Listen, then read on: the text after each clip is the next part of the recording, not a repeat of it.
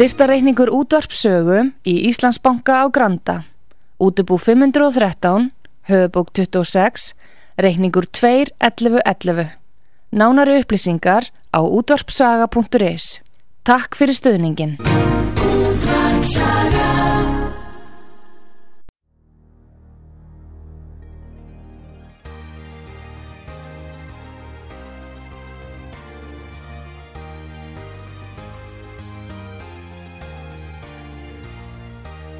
Heimsmálinn í umsjón Pétur Gunnlaugssonar.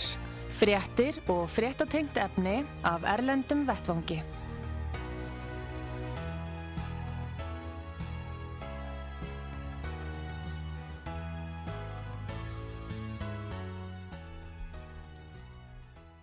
Góðir uh, hlustendur, þér að hlusta á útvarp sögu. Ég heiti Pétur Gunnlaugsson og uh, ég ætla að ræða við hann Gustaf Skúlason, okkar mann í Svíþjóð. Sætla og blessaði Gustaf. Já, kontunum arblessa Pétur og hlustendur út af sögu. Gótt að heyri ykkur. Já, við ætlum að fjalla um grænu orkuskiptinn og uh, hérna byrja á því Gustaf. Nú, uh, það er þessi prófessor frá Ástralíu, hann segir að þetta sé bara lofslagsmóðursíki og þetta sé fullkomin blekking þessi lofslagskreppa. Já, professor Ian Clymer, hann er líka jarðfræðingur, hann, hann þekkir þessi mál mjög vel og hann var, hann hefur gefið út fjölda bóka um uh, hitafar, um samspil sagt lofslags og jarðarinnar. Hann hefur fengið ótal verðlaun og viðkenningar í Ástralju. Það er að segja áður en að, að þessi lofslagsmóðisíki hóf sína innreið í heiminn og hann byrjaði að taka, taka upp á því að, að vera anstæðið því. Og, og eh, hann, eh, hans kenning eða það sem hann segir, það er það, sko hann segir það að lofttjúburinn, okkar andrúsloft, að 97% af kóltvísýringi í andrúrloftinu stafi af eðlilegum ástæðum. Það kemur frá hafinu, það kemur frá eldfjöllum og svo framvegist. Og það eru bara 3% af kóltvísýringnum í andrúrsloftinu sem stafar af því sem að menn, mannfólki er að gera á jörðinni. Og hann segir, hann er búin að byggja um, við vorum rættum um hann um daginn, því að hann gaf út bókina þarna græna morði. Og, en, en það er fulla ástæði til þess að, kynna hann enn frekar og, og, og, og hlusta á hann. Við erum með tvo hljóp út af frá honum, eh, það sem hann ræði þessi mál. Þetta eru náttúrulega ekki einföld mál sem maður er að byrja að kynna sér þannig frá byrjun, en, en hann er með, með mjög, mjög, með sem sagt sínar eigin, eigin hugmyndur um þessi mál. já, við skulum hlusta á hann. Then I look back in time through my geological eyes and look at times in the past when we had very high carbon dioxide contents of the atmosphere, up to hundreds of times higher than now, and we see that we didn't have runaway global warming.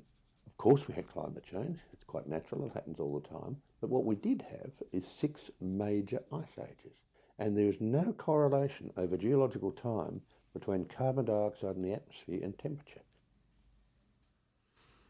Já, Já, hann er raun og verið að fara yfir ákveði jarðfræðilegt tímabil, hann er að fara yfir jarðsöguna og hann segir að sé engi fylgna á melli koldvísýrings og hitastyrs.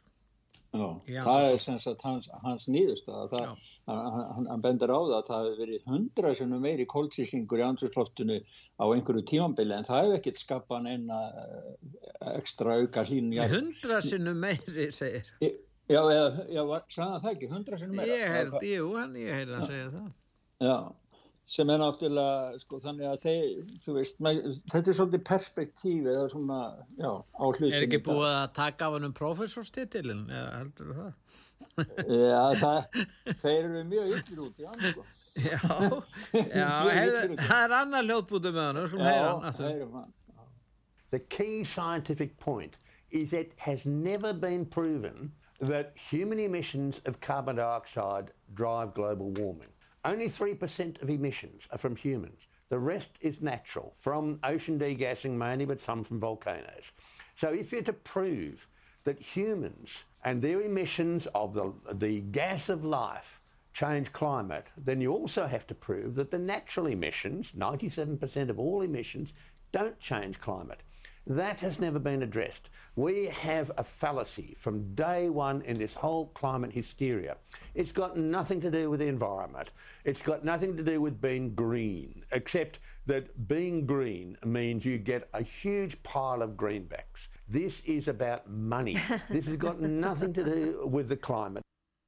Já, hann er að segja að það sé ósannað að lofslagsbreytingar stafi að mannavöldum 3% breyting í andrúrsloftinu af mannavöldum og þetta stafi bara af peningahyggju og græðki er hans Þannig að þetta er sko, þetta, þetta getur maður sett gegn öllum þessum áróðri, þunga áróðri sem að dempist yfir okkur dag frá degi sem að, sem að endar í því að jörðin sé bara að, að farast. Við erum að, að, sko, að selja inn alla, alla grænu breytingarna, allt þetta ra ramags og ekki að nota ólju og allt það. Það er allt saman útskýrt og raukstuð með því annars muni jörðin farast. Þetta er svona dómstags sala, ef maður gerir ekki það sem er sagt þá mun jörðin farast. En vantar ekki að ræða meira um peningaliðina í þessu máli? Er það ekki það sem maður gæti átt orðið til þess að opna augum margra? Að menn gerir ja. sér grein fyrir tengslunum við peningaöflin og kostnaður við þetta vegna þess að við erum að fara að tala um grænu orkuskiptin og, og, hérna, og það er bara komið ljós að græn orka, Gustaf, er rándýr.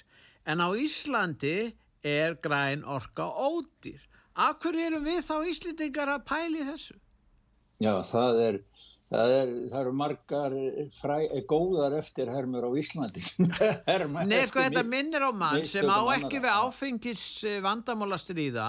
Og hann er sfer bara í meðferð vegna þess að vinir hans eru þar skilur. Þó... Þetta er mjög góð samlíking Já, ég held það og hann þurfa að borga Já. og hann er ekki nóg með það hann þurfa að borga fyrir sjálfa sig þú þjáist ekki á, heldur það að borga fyrir hína vinir sína sem eru allir, allir gamlar fyllibittur og hann kannski borga fyrir það þegar þeir voru að drekka og nú verður hann að borga fyrir það þegar þeir fari í meðferð þetta er alveg það sama Já, við ættum kannski árum við förum inn og við erum með mjög góða, gott efni í sambandi við peningamálinn. Það bæ, bæði hérna frá Svíðsjóð og líka skísla sem hafa byrkt í Nóri. Það var tveir profesorar í, í háskólanum í Stavanger sem að rannsöku stærstu vindmiðlu garð sem við erum að byggja í dag fyrir utan eh, norð eða mið, mið England, östuströnd Englands þar, millir Noregs og, og, og England. En við ættum að heyra aðeins í honum vinn okkar hérna sem var stofnandi Greenpeace sem að ræði líka um og hann er vistfræðingur og stofnandi Greenpeace Patrick uh, Moore.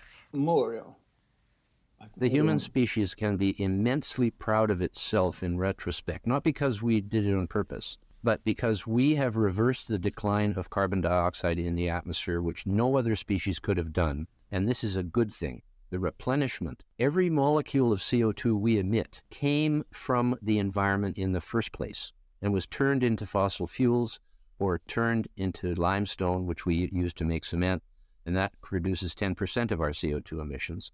The other 90% is almost all fossil fuels. And all of that CO2 that we are emitting from the fossil fuels came from the atmosphere in the first place. No. Yeah. Hann er að tala um það sko að, að allt, allt, allir kóltvísýringur hafi verið í andrusloftinu sem að hefur síðan, jörðin hefur síðan tekið tilbaka og, og breytti í ólju og stein sem að mannkynnið er að vinna út og sleppir síðan aftur tilbaka. Hann segir að þessi lokur hingrás, kóltvísýringur, þetta er undir staða, mann og ekki alveg íslenska orði yfir þetta, lífs... Eh, hvað heitir það, hérna, grænblöðungandi sem að breyta breyta mm. kóltvísýringi í súri. Já, það, sko, það sem hann er að segja, Gustaf, það varðandi lofslægið, sko, það er fólki sem er að uppnefna þá, sem er að gaggrýna umhverjusvendasinnana, uppnefna þá sem afneitundur sem er að finna illa við það sem þeir eru að neita og hann líka er, hann er ekki að neita því að lofslægi sé að breytast, en hann segir að í því fælst ávinningur fyrir lífið á ljörðunni. Já hann nefnilega segir það er hljóðbúti með honum og myndbúti með honum á, á heimasjútarsögu þetta er miklu miklu lengra þetta er bara þetta. Já. og það sem hann er að tala um það sko að sko þegar að kóltísýringunum var í miklu meira mæli þá, þá blómstraði lífið á jörðin og hann talar einmitt um það, hann talar um það að til þess að þess að þessi eh, líf efnabreiting getur átt í sér stað með græn blöðungunum þá verður að vera ákveði magna kóltvísýringi í andrusloftinu og það, það fór einu sinni næstu í nýður að því saðan í, í, í, í sögu jarðarinn og hefðu það farið nýður fyrir það þá hefðu græna grænblöðungunar eh, sem sagt dáðu út og þar með lífi og jörðinni. Því að þeir bú framlega súrefni fyrir okkur híl Þannig að, að sko, hann vil meina það að við eigum að vera stolt af því, maðurinn á að vera stoltur af því að hafa vera að vinna sagt, olju og, og úr, sagt, breyta því í kóltísing tilbaka og skila því aftur út í andurklóti og þetta hefur bara stór bætt lífið á jörði. En uh, síðan eru við þarna með líka greinu það að, að vindorkan veldur þurskun og, og stjórnmálamenn er ekkert að hlusta á ymsar viðvaranir frá, frá uh, sömum vísindamönnum og í raun og veru hafi hérna afleðingarnar af vindorkun ekki verið rannsakar. Já, það segir Gert Gantefur, professor í tilröðunarviðlisfræði í Þískalandi. Hann er einn nýröð sem hann var að sjá sem er að koma. Og hann segir það þegar maður byggir svona stóra vindmjölugarða, svona, eh, svona stórar vindmjölur, það eru alveg upp í 260 metra hæð sko, þeir eru með tæki í, á, sem er stærri en, en Eiffelturnin í París til þess að reysa þess að hafinu þarna sem ég var að segja frá.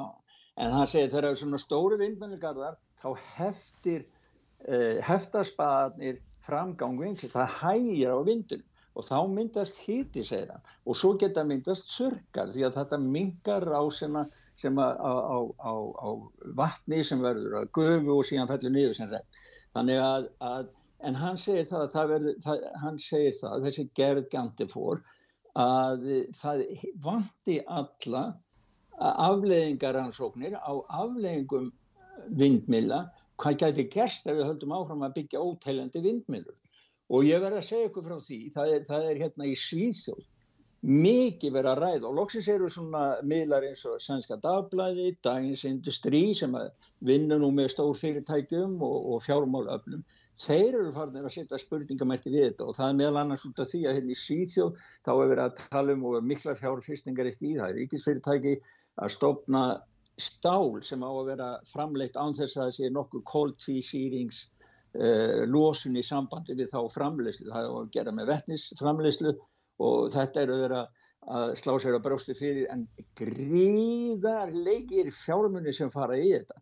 Þeir hækkuðu hlutabrið fyrirtækisins um 10 miljardar sænskara króna en það var ekki vegna þess að þeir hefðu, hefðu gert neitt sem að hækkaði gildi fyrirtækisins. Heldur þeir hefðu fengið lán frá fjárfestingabanka Evrópu upp á 38 miljardar sænskara króna held ég og það var að mestum hluta, er hluta ríkistilt með rík, sænska ríki er bakhjalla því lán. Þannig að þetta er ríki sem hefur verið að nota fyrir alla þessa peninga. Eins og venjulega. Ég menna að það verða skattgreindu sem verða látnum greiða þetta með einum beðarum hætti. Allt saman. Já. Og síðan þessi norska eh, rannsók það er hérna Doggerbank heitir þetta svæði hérna fyrir austan eh, England sem að sko það er já, þremur eða fjórum áfangu sögðu fyrst þrjá fanga A, B og C 1200 uh, megavatta framleysla á hverju svæði fyrir sig. Og síðan fundur upp að ég gætu bætt við uh, D-svæðinu með 1,8 þúsund megavattum til viðbótar. Þannig að þetta er gríð, gríðarleg framkvæmt. Norska ríkisfyrirtæki Equinor orkufyrirtæki á 40% í þessu, skóska SSI á 40% og svo er ítalst orkufyrirtæki búin að kaupa sín 20%. Niðurstaða rannsóknar þessara manna, það er Pétur Ósmundsen og Sindri Lórensson frá Háskólanum í Stafmængir, prófessor og dósent, þeir rannsókuðu þessara Doggerbank æventýri sem að núna er í fullum gangi og þeirra niðurstaða var svo að þetta verið gjáðsannlega óhagkvæmt að, þetta kemur ekki til með að bera sig. Þannig að peningar skattgreðandar renna beint í vasa ríkra áhættu fjárfesta með ríkisábyrð. Já, og svo eru þeir með sko hérna hefur til dæmis uh, miðl sem heitir Samnýtt sem er svona fyrir svíþjóðdemokrata, þeir hafa sínt fram á sko, hérna í svíþjóð, sko módeli er þetta, það er stofnu fyrirtæki, svo sagt að það er að skapa atvinnu, þau skapa enga atvinnu og þau eru lögð niður og leiða búið að fá peningin sko. En, en, Gustaf, ef Já. þetta er svona hagkvæmt og ef þetta er svona nöðsulegt, akkur það ríkisábyrg? Já, spurðu, segðu. Ég meina Já, það, það, frjál, það er ekkit frelsi, það er engin frjáls markaður svo langt sem augun ná á þessu sviði. Ekki til. Þetta, þetta, þetta eru stjórnmálamenn, þetta eru sko, stjórnmálamenn, grunnhygnir stjórnmálamenn sem, hefur verið, sem trúa því að jörðin muni farast. Já, þeir en ekki bara það, þeir eru í góðum tengslu með viðskiptalífið og kaupsíslumennina sem er að græða á peningu skattgræðanda. Já, spurning hvort þeir eru keftir, mútaðir eða grunnhygnir eða hvað það er. Þeir kjörnir, kjörnir fulltrúar opna ríkis kistunar og þeir komast í ekki bara í skattpinningana, þeir eru líka að fara inn í lífyrirsjóðan. Þeir eru Já. að tæma, þá að tæma Mm. e, fjö Já. Vesturlanda. Það bara Já. vera, er bara vera að sjúa upp allt. Það er svona, myndi ég vilja kalla þetta bara grínsegi. Því þetta er sama mótilið og var æsir. eins og við Já. rættum síðast. Já. Þetta er sama mótilið, Bara miklu, bara- miklu, me- miklu hærri uppæðir, það er það sem við erum að hérna. miklu hær uppæður og nær til allra Vesturlanda. Var bara sjúa og flytja allt fjármann klífurisjóðana og ríkis e, fjöherðis eða bara ríkisjós yfir til þessara. Og ekki gleyma því að þeir færu í prenta, segla prenta í stórum stíl að það vantaði eitthvað inn í þetta. Já, já, já. Já, já. Og svo, sko, nei, þetta er, þetta er, þetta er svo stórt og, og svakalegt, sko, þetta er bara stærsta fjármála sinn nútímans. Þetta er ekkit annað.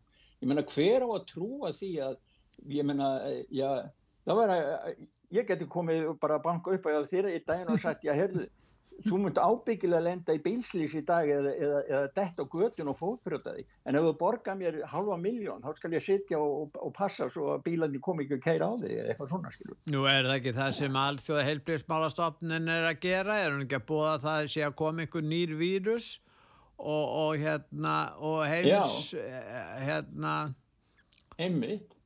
Og svo, Um svo, svo eigum við, svo eigum löndin í heimunum að kjósa þá, skilur, Já. og gefa þeim öll völdin, af því að þeir að bjarga, sagt, og svo talaður við vini sína í livjageiranum sem auðvitað eru tilbúin með eitthvað liv við þessari veiru eða Já, kannski geta þeir nota gamlu afgangana frá hérna Já. COVID-19 og, og tróðið sinni í fólk og sagt að það sé allt í lagi þetta hafi sömu áhrif. Ég veit það ekki. þeir bæði búa til veiruna og lífi. Þeir sleppa veirunu og búa til skilur. Þetta er, er sa- hrikaleg samspil. Þetta er náttúrulega, þetta er náttúrulega örug leið til þess að verða ríkur, að stjórna hvort tvekja markanum og láta síðan skattgreindu greiða, bara þvinga þá til að greiða þetta. Það er hinn þvingaða greiðsla og hinn þvingaða stjórnafar sem þeir eru leggja á fólk. Það er kjarti málsins. Við ættum bara að sjá hérna eins og þeir eru núna með í Írlandi, sko. Já, þessi, einmitt. þeir ætla, já, ég gati ekki ha. Emmitt, segðu okkur frá Írlandi, beljurnar eru að prumpa þar, Já. eða eða rekka við þarna og, og þetta er nú eitt hættulegasta, hérna, hættulegasta árásin á, á, á, á hérna, á lofslags, í lofslagsmálunum. Já, og það er búið að gera veselnist kýrnar sem við vitan áttur ekki á neinu hvað er að ske. Það er búið að glæpa væða þær og segja sem hamfara línu jarða sér þeim að kenna. Þess vegna er það að leggja til á þinginu, er að ræða það í Írlandi núna, að slátra 200.000 prumpandi glæpakúm til þess að bjarga plánutu.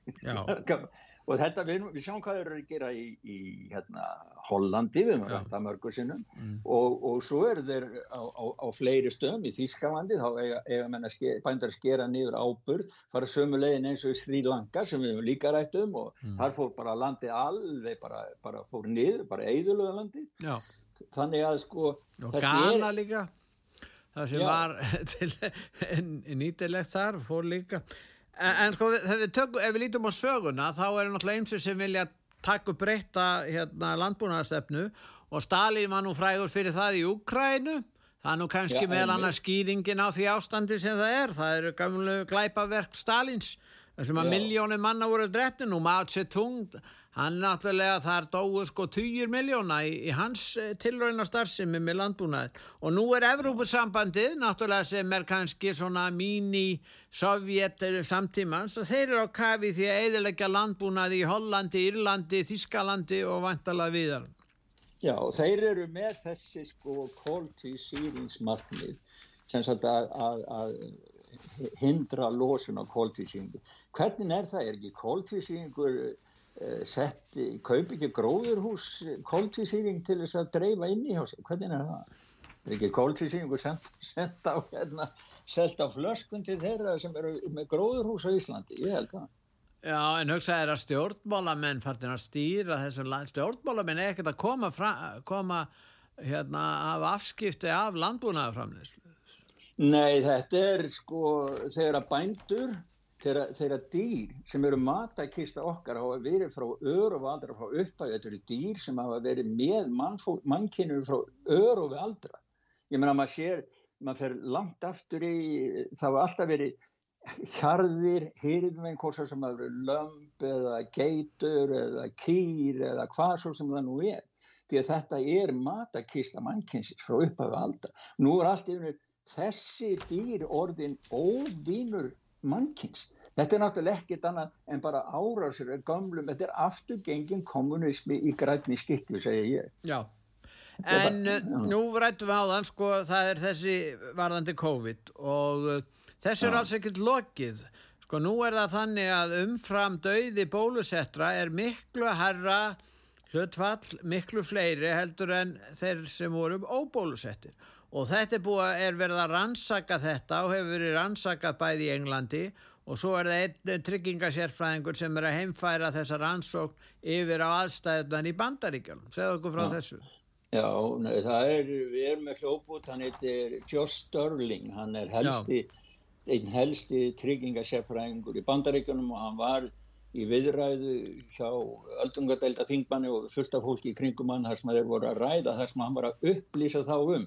Því að hann, það er svo erfitt í bandaríkunum að fá upplýsingar um, um, um þessi mál hjá yfirvöldum en hann gatt vegna þess að það er auðvöldara í, í Breitlandi og það er glæra á heimasíðu út á sögu með nýðustuðum rannsóknar í Breitlandi sem sínir samabörð á umframdauða hvert uh, bólusettum og óbólusettum og eh, það kemur ekki bólusettum í hag því að eh, 26% eh, meiri umframdauði hjá bólusettum heldur hjá óbólusettum og eh, vissum aldurshópið á gata að fara alveg til 145% meiri umframdauði sem, sem er, er alveg hræðilegar staðrindir. Ég, sko, ég vorkinni fólki sem er bólusettu farið eftir þessu og því að þessa tölu tala svo mikið gegn því og við ættum kannski bara að vinna með smá hljóp Já, heyrum var, hvað hann ja. hefur að segja einmitt þessi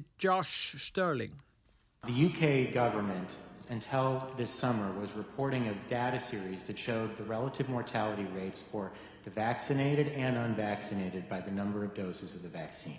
We've done what we think is really professional work with this And we think it simplifies down to a conclusion that says that through the last available data set, the people in the UK who took the vaccine have a 26% higher mortality rate. The people who are under the age of 50 who took the vaccine now have a 49% higher mortality rate. And worst of all, the people who only took one dose of the vaccine have approximately 145% dose, uh, worse mortality rate.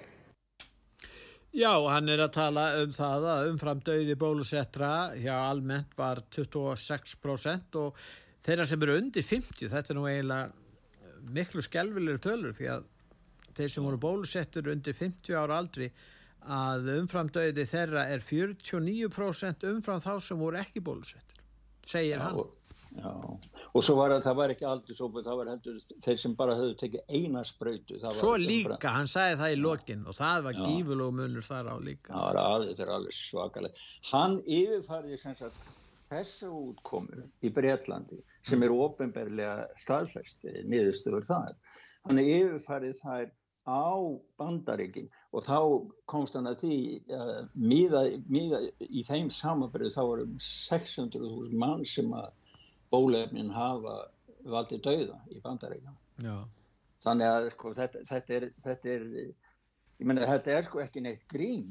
En við erum að tala um dauða. En hvað með sjúkdómana? Hvað með þá sem hafa lamast út af þessu? Og það er einn leikari sem er nokkuð þekktur, ég þekka nú ekki mig. Hann heiti Jamie Foxx og ætlaði að leika í Netflix mynd og var það sprauta, hann vildi ekki láta taka sprautuna en hann fekk, var það að gera það ef hann ætlaði að fá hlutverkið og hann hefur leikið í nokkru myndum Miami Vice og fleiri svona bíómyndum og er nokkuð þekktur þarna í bandaríkjónum og eftir, og núna í aprílmánuði þá bara farðan, fór hann á spítala en ekkert langt síðan og hann er núna blindur og lamaður eftir þetta, eftir að hafa tekið bólefnin á sínu tíma. Já, hann hefur nú sendt frá sér sko, ég var aðeins að kikja meira um hann sko, hann hefur sendt, hann er lifandi en þá, hann hefur sendt frá Já. sér upplýsingar og hann ávist að koma tilbaka í eitthvað prógram en það kemur ekkert fram sko þannig að það, hann, hann virist vera á einhvern bata veginn.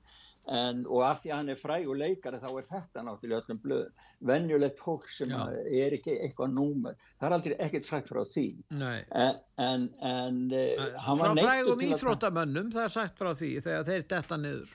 Já, íþróttamönnum sko. Þannig að það eru svo margir að núti sem við vitum ekki um því það er bara þagað yfir, það er bara samtryggingar þöggun á lífi venjulegs fólk sem hefur fórn á lömpum eh, eh, sprautana og þetta var nú akkurat það sem að þessi rannsóknar nefnd og, og átæru nefnd sem við rætum um síðast með, með hérna bæði Robert Malone og fleirum. Já. þetta er eitt stærsta uh, atriði sem þeir lifta fram. Það er að gera fórn á lömp uh, bólefnana bólefnisins og spröytan að gera þau sínileg og að þau fái skadabætur og uppreysna æru eftir þessar hríkalegu tilrunastarfsemi en, en, eh, en hann er vist að koma tilbaka ég veist svona að ég horfði á hann í myndin í Collateral leigubilstöru, það var rosalega spennandi inn fannst mér en hann Já. var hann hérna er líka söng, þekktu söngvari, rappari og svona þannig að hann hefur gert ímislegt sko. Já Já, vonandi batnar eh, þessu manni en það er náttúrulega spurningin hvort það hafi verið og hann fekk blóðtappa í höfuð sko. Í heilan, sko. blóðtappan í heilan. Já, já. Þannig að þetta er svakalegt og svo, ég heyrði nú einn innhingjenda hjá, einn morgun hjá þér sem var að segja það, sko, hann hafi mist lyktarskinn og, og er, að, er að verða blindur og hann er mitt sagði að hann vildi ekki taka fyrstu spröytuna en hann var látin, hann, hann látin taka hann enga síður en, en svona en svo þegar hann var haft samband við hann sko hann var bara heima hjá sér. Hann var ekki að fara neitt hann bara haft Nei. samband við hann. Og svo var hann til spröytu nummið tvö þá var sagt að hann yrði að taka hana fyrst hann tók fyrstu Nei, þetta sagði honum að hann var bara að lýsa þessu í betni útsendingu hér á útvarpi sögu Já. hann var ekkert á móti þessum efnum út af fyrir sig nema reynslan af þessu var skelvileg og þar og með þetta, náttúrulega breytist afstæðans Já og þetta passa mjög vel við reynsluna hérna í svít því að við heyrum sko, við þekkjum er að segja fólk sem hefur bæði með sliktaskinn og, og, og tapa förla sjón en fengi sjónin og kannski fengi eða margar sem eru í gangi, fólk sem hefur kannski færi aldrei líktaskinni tilbaka eða bræðskinni og, og sem hefur fengið fljótlega eða eftir marga mánuði þannig að sko þetta eru að passa þess, hans innhenging mjög, passa mjög vel við það sem maður þekkir til inn í Svíður sko. Nú, hérna, fyrirverðandi öryggisráðgjafi Trump, hann er Michael Flynn, hann er að stopna sjálfstæðan uh, samfélagsmiðir fyrir óbólusetta einstaklinga, kallaði það For the Pure. Já, það er, það er, hann er hérna, sko við höfum rætt að mannstu að það er hugmyndur um það að stopna blóðbanka með óbólusettu blóði. Já. og, og við rættum það að það verði verð meira blóð í framtíð en þeir sem hafa verið bólusetti en núna hefur hann tekið skriðið alveg út og er bara að stopna miðl for the pure, já með bókstafnum for En hvernig getur það gengið úr skuggum það hvort að viðkomandi aðli hafi verið bólusettur eða ekki? Ef einhver sem hefur verið bólusettur vil komast inn á þennan samfélagsmiðal og, og vera þáttakand í þessu. Hvernig er þetta að komast að því hvort að hann segi satt og rétt frá að hann hafi ekki verið bólusettur? Já, ég, ég, ég mér, mér finnst mikið byggjast á trösti en Já, ég veit ekki þeir, hvað þeir hafa Nei. til að tóa það skilir, það kemur ekki fram hér. Við erum með smá svona bara til þetta er nú bara svona til þess að gefa til kynna sko, upplýsa um það að það eru líka svona hlutir í gangi samtími sko, sem, að, sem, að, sem að við erum að berjast við þessi hrigalegu alþjóðlegu öll sko. Við ætlum að hlusta kannski á hljópúta meðan það sem hann er að lýsa hvað þetta er, þessi, þessi miðl. Yeah. My name is General Mike Flynn, and I'm honored to announce an opportunity to support a new freedom movement sweeping across the nation. For the Pure is an online community meant to connect like minded individuals who courageously stood against the COVID 19 jab campaign. Our programs will be used for news updates, friendships, dating, and business networking. The team at For the Pure are recruiting founding members who will help educate and elevate the world to engender the change we desire. We aim to unite pro freedom communities around the nation. This type of freedom movement is crucial. God bless you and God bless America. Já, hann var svona að kynna þess að þennan vefsin. Hann tengir Já. þetta við frelsi í raun og veru. Þetta sé svona reyfing manna sem að um, leta ekki hafa svo út í það að láta bólusetja sig.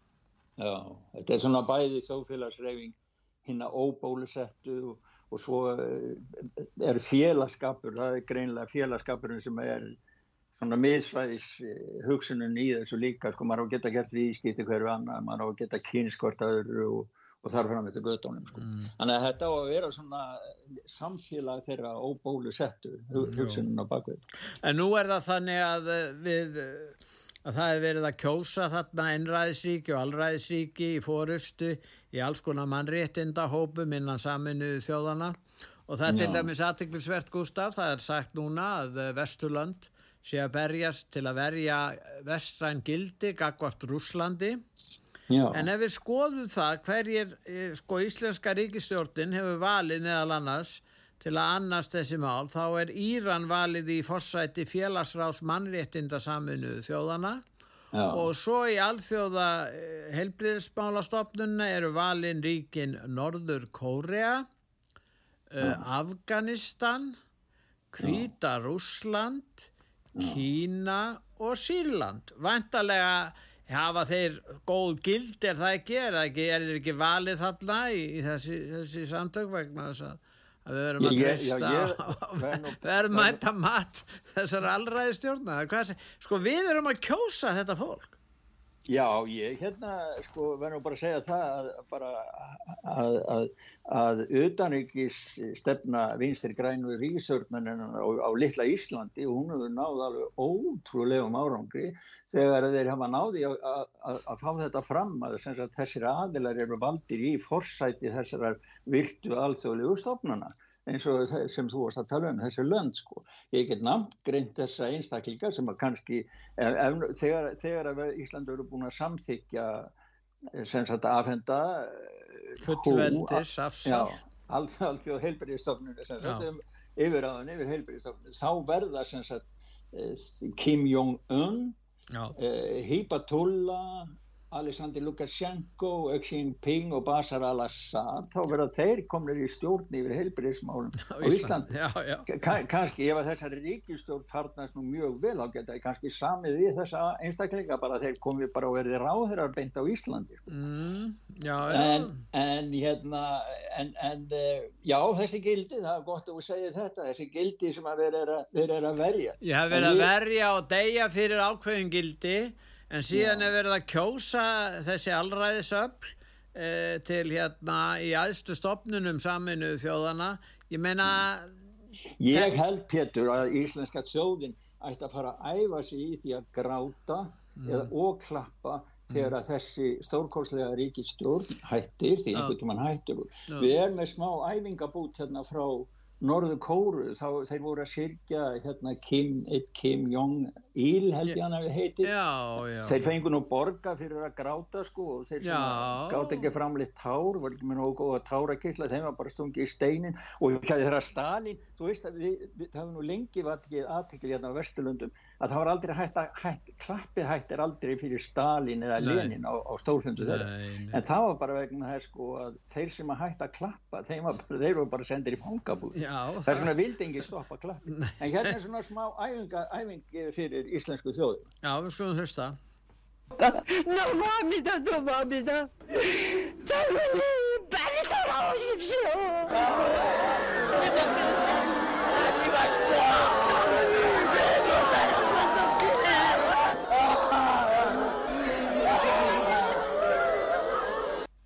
Já, Kim Jong-il að við förum bara alla gráta, er það ekki, Gustaf? Jó, sorgin verður mikil Já, þegar hún þessi er mikil og djúb, já, það er nú það. Heyrðu, við skulum núna, Gustaf, áður Já. við förum að ræðum um Evrópusambandi og Svíþjóð, þá skulum við taka okkur smá auðlýsingar hér, en þið Já. eruð að hlusta á útvart sögu, heimsmálin og nú ætlum við að hlýða nokkru auðlýsingar og komum svo aftur.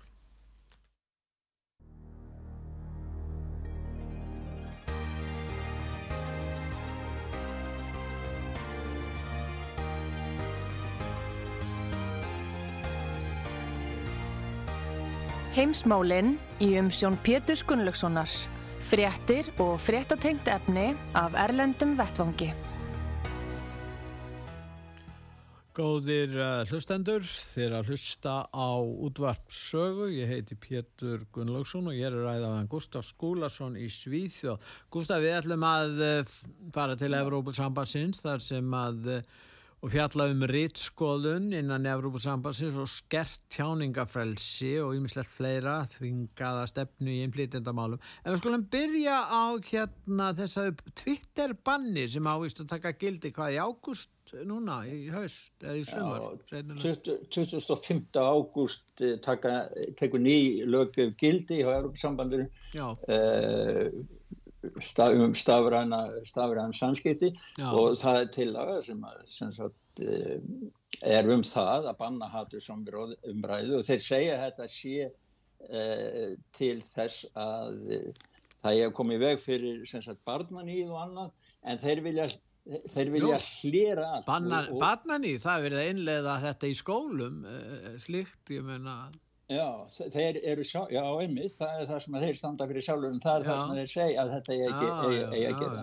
Og, og þeir eru að skilda sko þessar stóru uh, netmiðla, sko netrísuna til þess að rannsaka allt, þeir eiga það voru ábyrð netmiðlana að vaska fram, leita að og vaska fram það sem getur verið hatusumræða að mati Evrópusambassins. Já, til Og- dæmis að gaggrína Evrópusambandi er hluti af hattusögur orðræðu, þú veist það. Já, já, já, já, Gaggrína bara- Evrópustefnuna, gaggrína innflytjendastefnuna og gaggrína ímislegt fleira svona sem að pólitísk réttugsun heldur upp á. Já, og enginn hefur kosið þetta fólk. Þetta Nei, er nei. fólki sem, Þetta sem er að senda vopn til Úkraina því að það er að verja líðræði. En það, ekki, er ekkert líðræði, það hefur enginn kosið þetta fólk. Nei, nei, nei. Þannig að hérna, nei það var, það er, skal ég segja þér, Alex Kristofóru, það er umræðu þáttakandi sem er, er virkur í, í, í félagsmiðlum og hann eh, segir það að ESB sé að búið til í anda 1984, Orwell sko, og Já. málfræðs á netinu. Já, Hann segir að Evropasambandi sé stjórna heimskum einræðis herra eftir líkingum eða eftir hermu og það sé bara komið út í skurð með því að það sé bara verið hefta málfræðs og annað. Það er smá hljóðbúti með honum. með Alex, við skulum hlusta á Alex. the EU officials, they're more addicted to Twitter than anybody else in the world. All these politicians, they love Twitter. They're addicted to it. Elon Musk just holds firm, holds tough, and says, you know what, you want to kick us out of the European Union? Ban us. And it won't last. The EU will fold. All Elon Musk has to do is just play the game of chicken and he will win. I'm telling you, the European Union is these guys are some real, uh, real big time authoritarians, aren't they? And none of them were even elected. Já, hann er að tala um allræðisinnana í Evrópusambandinu. Hann heldur að Elon Musk muni nú eh, ganga frá þeim þó að þeir reyna að banna fyrirtæki hans Twitter hérna í Evrópu. Hvað segir það? Já, þeir hóta sko að, að, að þeir netmiðlar sem að mjög ekki koma á svona eftirliti að þá ætla er að sekta þá með 6% af heimsveldin, ekki bara veldin innan Európa-sambansins heldur öllum heiminum. Og Elon Musk tilkynnt að hann mun ekki ganga að þessu. Og Nei. þá segja þeir bara, já, hóta þér öllu illa, þú skaltum bara sjá fugglin flýgur samkvæmt okkar reglum og allt þetta skilur Já, já, En hann er bara að segja það, hann, hérna Alex Kristofóru, að hann, hann telur að vegna þess að eh, stjórnmálumenn, þeir eru háðið Twitter, þeir elska Twitter því að kýtla í hegumagindin að geta Já. týst jú. og, og hérna hann, að hann er eiginlega að gefa Musk ráði bara að fara í svona chicken race við þá sko og, og, að- og hann segir að Musk muni vinna á, endan. Það er bara vona, vona það, að það verði svo lit. Svo er það hún Ylva Jóhansson, hún er nú frá Svíþjóð og Já. hún vill eh, stjórna tjáningastefnunni innan uh, Evrópusambassins og eh, hún er, hún er svona riðskoðunar manniskja. Hvað segir það?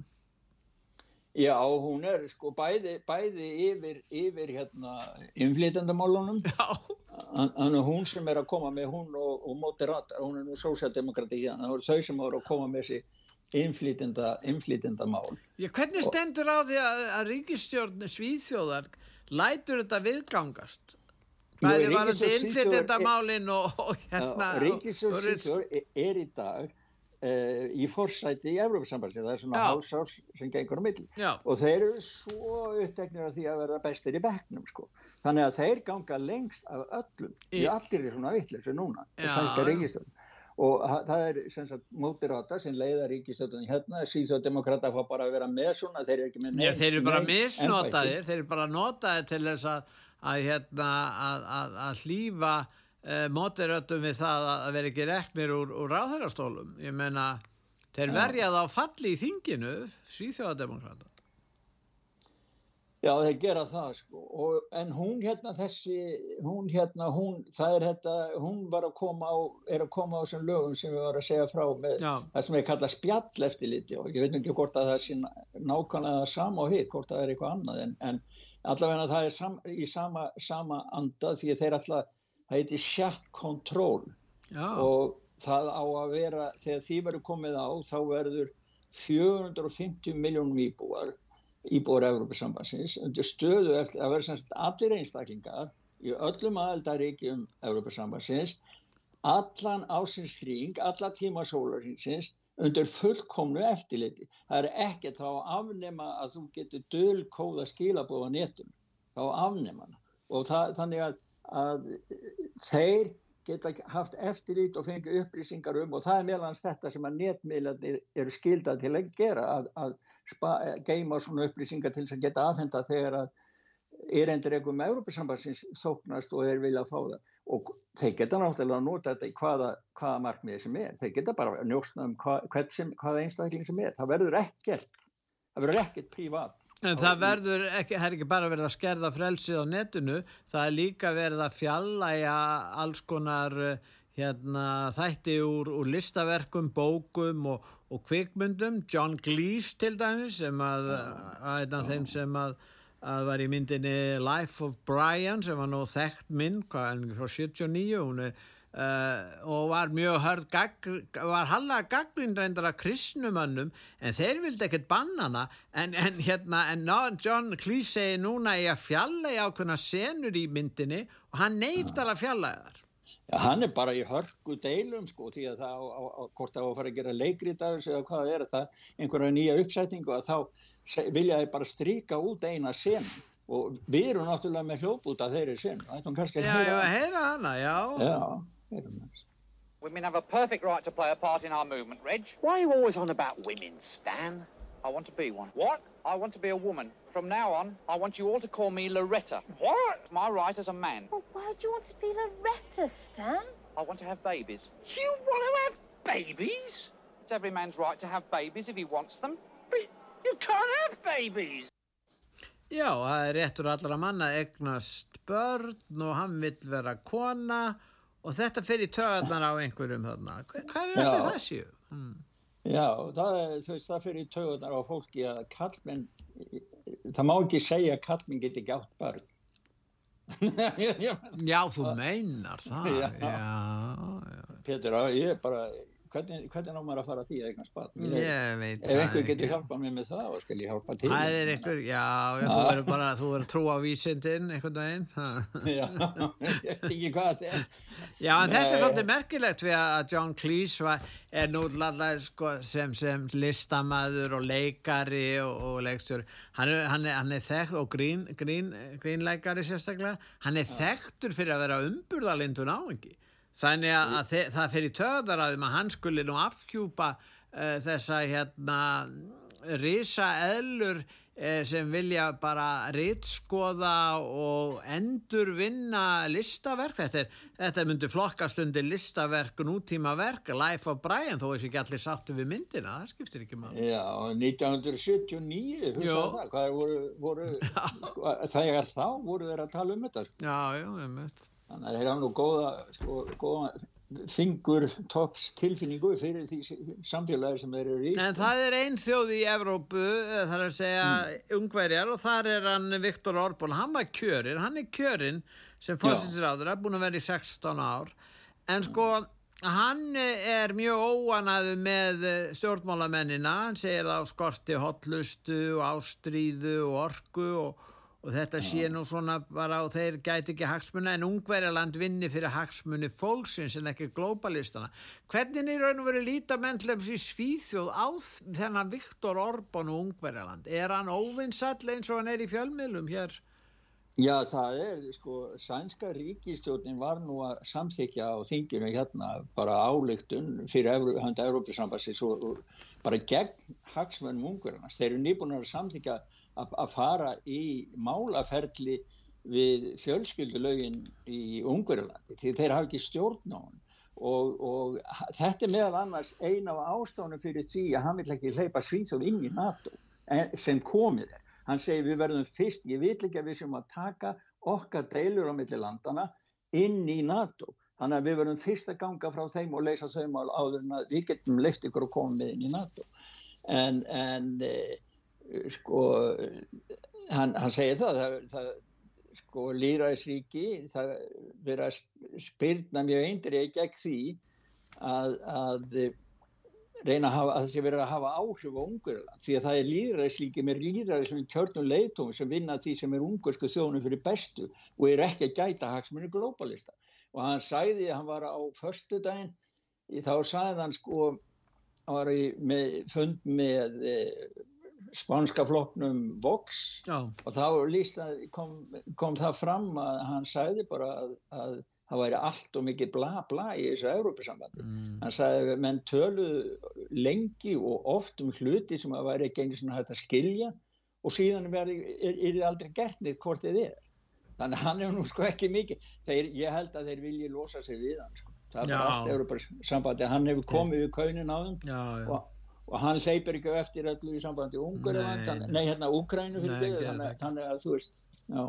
En uh, það eru fleiri hérna í Þískaland er, er hérna dagblæði Die Zeit þeir eru að fagna því að innflytjendur verða bráðum í meiri hluta í Þískalandi uh, ég menn þetta er nú ekki almenna viðhorið í Þískalandi eða hvað segir þú? Nei, þetta er sko öruglega ekki almenna viðhorið. Þegar ég held að þeir hafi verið að testa því að því að dróðu síðan tilbaka og breyttu bæði fyrirsögn og, og, og grein sem, byrjun á grein sem þeir settu. Því að þeir settu mynd af fólki bíl og það stóð sko bráðum fá þeir völdin um innflýtendur um innflýtendur í, Þýskalandi sko. Já, sem er sannlega alveg rétt hjá þeim. Já, já. Þýskaland neytar að sjá hvað það er í dag, land þar sem farand fólk verður ekki lengur í minnulunda heldur er eftirsóttar en nokkur sinni fyrir sko. En síðan breyttu þessu og komum með eitthvað annað því að það auðvitað svo mikið læti sko við bara stjórnmálaminnuna þeir bæðið frá hægri til vinstir sko þeir, þeir, þeir vil ekki veika aðtegla á því að það sé verið að skipta út í íbúin sko. en, en síðan á að þvinga pólverjana til að, inn, að hérna, samþykja innflytjanda stefnu ESB og Já. þeir neyta því, það er að segja að þeir verða að taka við, við hælisleitendum en ef þið taka ekki við en þá þurfa að borga 20 eurur upp á 22.000 fyrir hvert farandverkamann það er alveg að hafa upp að sem, að segja nei sko. þannig að það, þetta, þetta er bara, þetta er bara sektir þetta Já, bara, er það er verið að glæpa væða þá sem neyta taka, sem vilja Já. ráða einflýtindam að, að, þannig að það verið að segja að Póland er ekki sjálfstætt og fullvalda ríki Já. það verið að hlýta og lúta fyrirmælum og handleiðslu Uh, Evrópusambansins framkvæmdastjórnan Evrópusambansins notabenni sem enginn kjós og, og meiri hlutin lög og réttur er réttkurinn ríkistjórn Pólans og, og, og þeir fá ekki að ráða. Nei, þetta er á að sekta þá. Og þetta eru þrjáru miljónir íslenskar á fyrir hvernig þetta get, Já, getur orðið mjög háar Já, því að sko, þetta er bara, þetta er bara of ríki, ofstæki, miðstjórn, þetta er bara gamla, gamla sovjet eh, taktar Já. sko sem að Brussel sendur. En í Svíþjóð þá er þú er ekki að fara út á kvöldin og það er hérna lítil eh, bær sem heitir hvað Eskilstuna Eh, Já, Eskilsson, það, það á ekki á, sko það er búið að vera, það var hnífabardagi í skólum hérna um daginn og, og síðan var, eh, sko, þetta er bær sem er búin að þjást af skotárósum og það eru glæpa klíkur sem stjórna í vissum hverfum þar. Og núna var ég að lesa, sko, það voru, mann bara opnar ekki blöð eða kíkir á miðla hérna og það bara komi, bara skoti bara upp í andlita á manni eða sprengt upp í andlita á manni Mm. og það voru skotári sem núna lögða þetta innan eskilstúna en það er staðabundi mál, uh, málgagn sem heitir Eskilstuna Kurírin eða Eskilstuna fréttinnan og ég ætla að lesa það í smá búið sem að kona sem heitir Eva Braumann sem er Kurírin, hún, hún skrifaði sko, hún sagði uh, Eskilstuna er al, orðina algjör skýta hóla hvers vegna búum við ennþá hérna? skrifa hún sko, það gengur svo fram af fólki að það, það bara, það getur ekki lengur ráðið yfir hvað orðið það segir einu sko. en það er börn í Eskilstuna, þau vilja klæða skotaldum vestum og, og hún líkti ástandun í Eskilstuna við Los Angeles í bandaríkjunum og, og síðan segir hún við búum í óörugri borg börni mín, börn vina mína, þau þekkja öll einhvert sem hefur verið myrtur eða hefur skotið einhvern. Einhvert bekkjarfélagan, bróður einhvers vinar, ofbeldið að komið nálega. Nei, það er bara örvæntingi breyður úr sér hérna í þessu landi hérna. Er, þetta er alveg hræðilt hvernig ástandið er orðið. Sko. En það er aðteglisvert þarna sem einn prófessor var að gera, láta fara fram rannsókn á, á nöðgunar glæpum í Svíþjóð og niðurstaðan var svo að það voru minni hlutahóparnir sem voru hlutfarsa lang flestir í hópi miskjörðamanna í þessum afbrótaflokki og hún heitir Kristín Sundqvist, hún er hvað, professor í Lundi eða ekki? Já, hún er prófessor í Lundi og við, mannstu við sagðum frá því að það heldur voru 2000 fræðimenn og vísindamenn sem skrifuði bríð til sænska þingsins og vildi láta eh, breyta á lögunum af því það til einhver síðan nefnd fræðimanna eitthvað, eitthvað ráð, það var kært til þeirra, hún var kært til þeirra og þeir kærðu hana. En, en saksóknir, ríkisaksóknir feldi rannsóknuna niður vegna þess að það var ekkert sem kom fram í því að henni hafi staðin eitt illa til þegar hún komst að þessari Nei, ég meina þeir gæti ekki sýtt fram á að það væri raung að neinar villur eða veilur í rannsókninni, var það? Nei, hún var bara rannsaka nöðganir. Þannig að það má ekki segja ef hlutfall múslima sem nöðgar í, í, í Svíþjóð er hlutfallslega miklu herri en annar til dæmis hópa að þá hérna, og það er satt, þá má ekki segja frá því því það er þá álitin einhvers konar rasi skummali.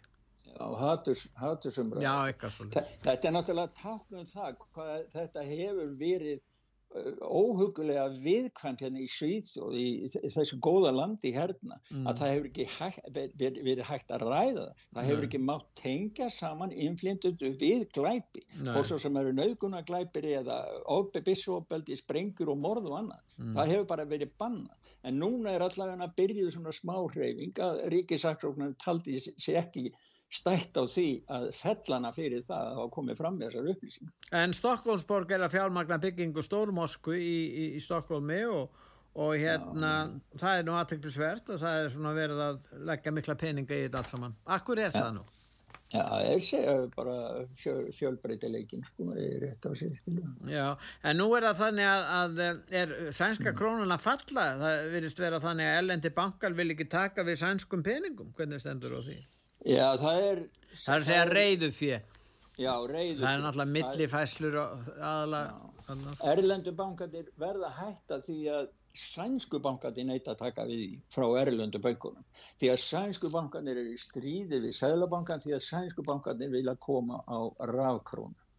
Sælabankin vil hafa eh, sem sagt, eh, gjaldmyndina, bæði, mynd og sæðla, en bankarnir eru í stríði því að þeir vilja ekki auka þetta í umferð því að það kostar meira fyrir þá að vera með þetta. Þannig að Já. það er það, er það stríð sem að er að endur speglast hér og síðan hefur náttúrulega sænska krónin mjög fallið En kong, mjög- kongurinn í Svíþjóð, hann er vinsætlega stjórnmálamennin. Er ekki að óvægt að segja það? Jú, hann er, það er svíjar eru mjög, mjög hérna góðir sko trúa á, á En er það ekki þegar að upplýsnir í landinu, þá vilja menn einhvers konar eh, eitthvað taknum stöðuleika og það er það sem konungdæmið er, er það ekki? Taknum stöðuleika. Jó, það er taknum stöðuleika og það hefur verið svolítið í, í lengri tíma og það er þannig sko það var gerð nýlega skoðanakönnun að meiri luti svíja vilja hafa konungveldi. Það er ekki nema 11% sem að vilja koma á líðveldi En- og, og e, þeir eru að tala um það sko að hvers vegna það, það hefur minkað svona mikið stuðningurum við líðveldi og þeir telja sér vegna þess að krónprinsessa Viktoria, hún er mjög vinsæl hún er vinsælast ofinbæra persóna sem mælst hefur í þessum könnunum. Það er skali frá mínus 50 til pluss 50 og hún fær pluss 28 og slær bæði út Barack Obama og Jens Stoltenberg. Á morgun er þjóðatíðadagur Svíja og við uh, ætlum að spila hérna svenska þjóðsöngin en áður en við gerum það þá kannski rétt að geta þess að það var kona sem að vona alltaf, alltaf fimm ára fangelsi og býr í Indonési og var á hérna á myndbandi í TikTok að uh, greina frá því og hún hafi verið að borða svínakjött en uh, múslimar auðvitað, þetta er fjölmennasta múslimaríki heims, það er Indonésia Hún á greið, hún á höfði sér fimm ára fangelsi fyrir að það að smakka þetta í beinni, beinni, beinni sendin. En ég lesa hérna aðeins, það var ég sá þýðingu Jón Sigurðar Gunnarssonar, samkvæmt lokarið gera hans eh, listaháskóla Íslands á fyrirparti Þjóðseng Svíja, mér fannst það mjög fallegt hjá hann. Þú gamla, þú fríða, þú fjallkrýnda fold, þú frjálsa, þú gladlinda vina, ég heilsa þér ástkæra ylhýra mold með himna, sól og græna skóa þína.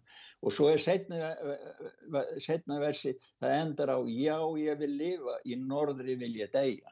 Já, já. Það sy- syngjum við alltaf hérna og það ætlum ég að syngja morgun hérna og, og segja hip hip húrei fyrir konginu því að hann er búin að hann á 50 ára konungsammali ár.